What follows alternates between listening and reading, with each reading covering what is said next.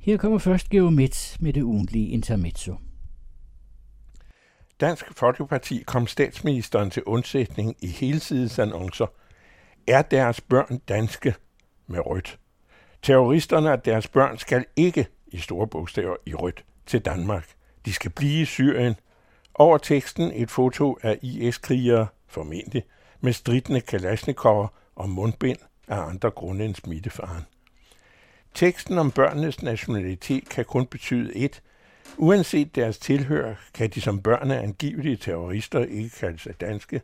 De er stats- og retsløse og skal blive væk, skønt de har krav på indrejse og formentlig arriverer før det siden.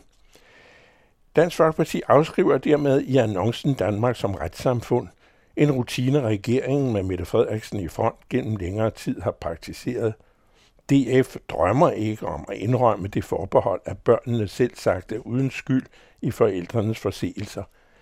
Gamle testamentet nedarves sønderne tværtimod i syv generationer, hvilket kan blive virkelighed, så frem man stadig nægter dem hjemkomst nu. DF er stærkt optaget af kristne værdier. Det hævder i hvert fald den for fotograferne så hyppigt knælende næstformand, der oven i købet har skrevet en bog om sin kirkelige kaldelse – her repeterer han frit efter forbilledet Søren Kravs bagvendte argumentation om kristendommens tro som moralgrundlag, netop de elementer, der er mindre forskruet, og med rette hævder denne religion som markedsfører af næstekærlighed. I flere af de anekdoter, Jesus diverterer med, viser han vejen i indpræntningen af barmhjertighedsgerningen. Da han foruden sin egenskab af kvindefødt, ifølge skrifterne er andet og mere – må hans anvisninger have øh, der große Macher, vor herre, himself som afsender. Mennesket lever således i guddommeligt ansvar for alle og enhver. Kendt er klassikeren om samaritaneren, hvem Jesus ophøjer til idealet af menneskelig godgørenhed. Den sag nedkogte Søren Krav til det spiselige for folk, der nøde ved til lommerne, og i øvrigt ikke bryder sig om hverken fremmede og nødstede. Barmhjertigheden retter sig ifølge krav og copycat Messerschmidt udelukkende mod den næreste næste, familien, naboen, og når det går højt, landsmanden, danskeren. Andre, også svenskere, skønt de bor i nærheden, må sejle i deres egen sø.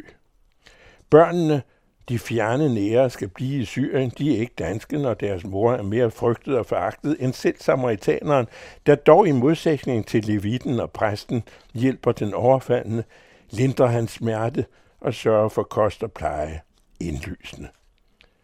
Nu spørger kommentatoren ud i den blå luft.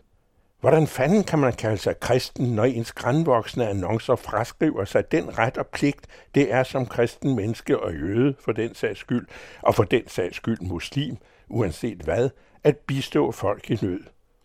Kan nogen forestille sig en mere ædel menneskelig og national ret og pligt, end at afhjælpe børns ulykke og forordnet deres mødres forhold efter retsstatens principper.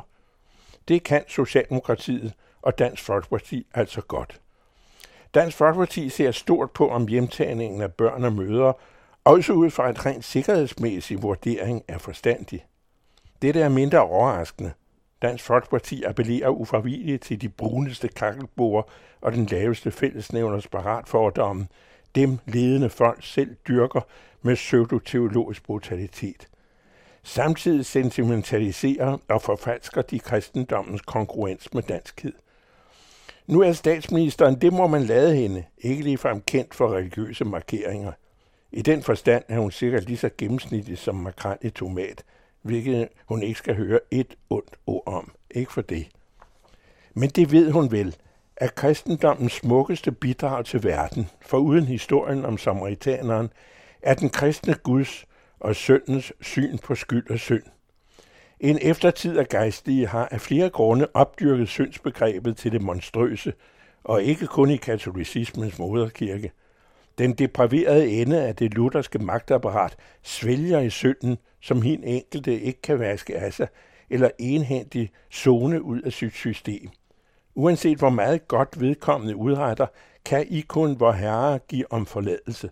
Resten af tavshed, og for de hårdnakkede udsigt til andres pinsler i evigheders evighed.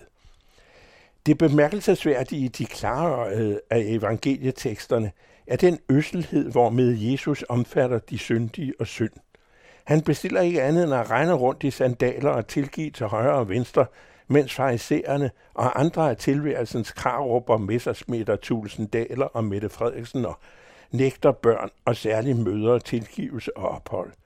Jamen, de har jo fravalgt Danmark og er i skin og sind og afkom landsforrædere. De kan rådne op i Syrien. Hertil siger Jesus, så meget desto mere har de tilgivelse nødig.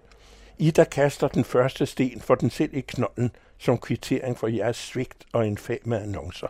Ud af min faders hus, I uforstandige, kyniske kræmmere, og tag jeres moralsk anløbende statsminister med. Sandelig siger jeg, kristne det er I ikke. Ikke en skid. Intermezzo, som Georg Metz indlæser til den anden radio hver uge og skriver til information hver fredag.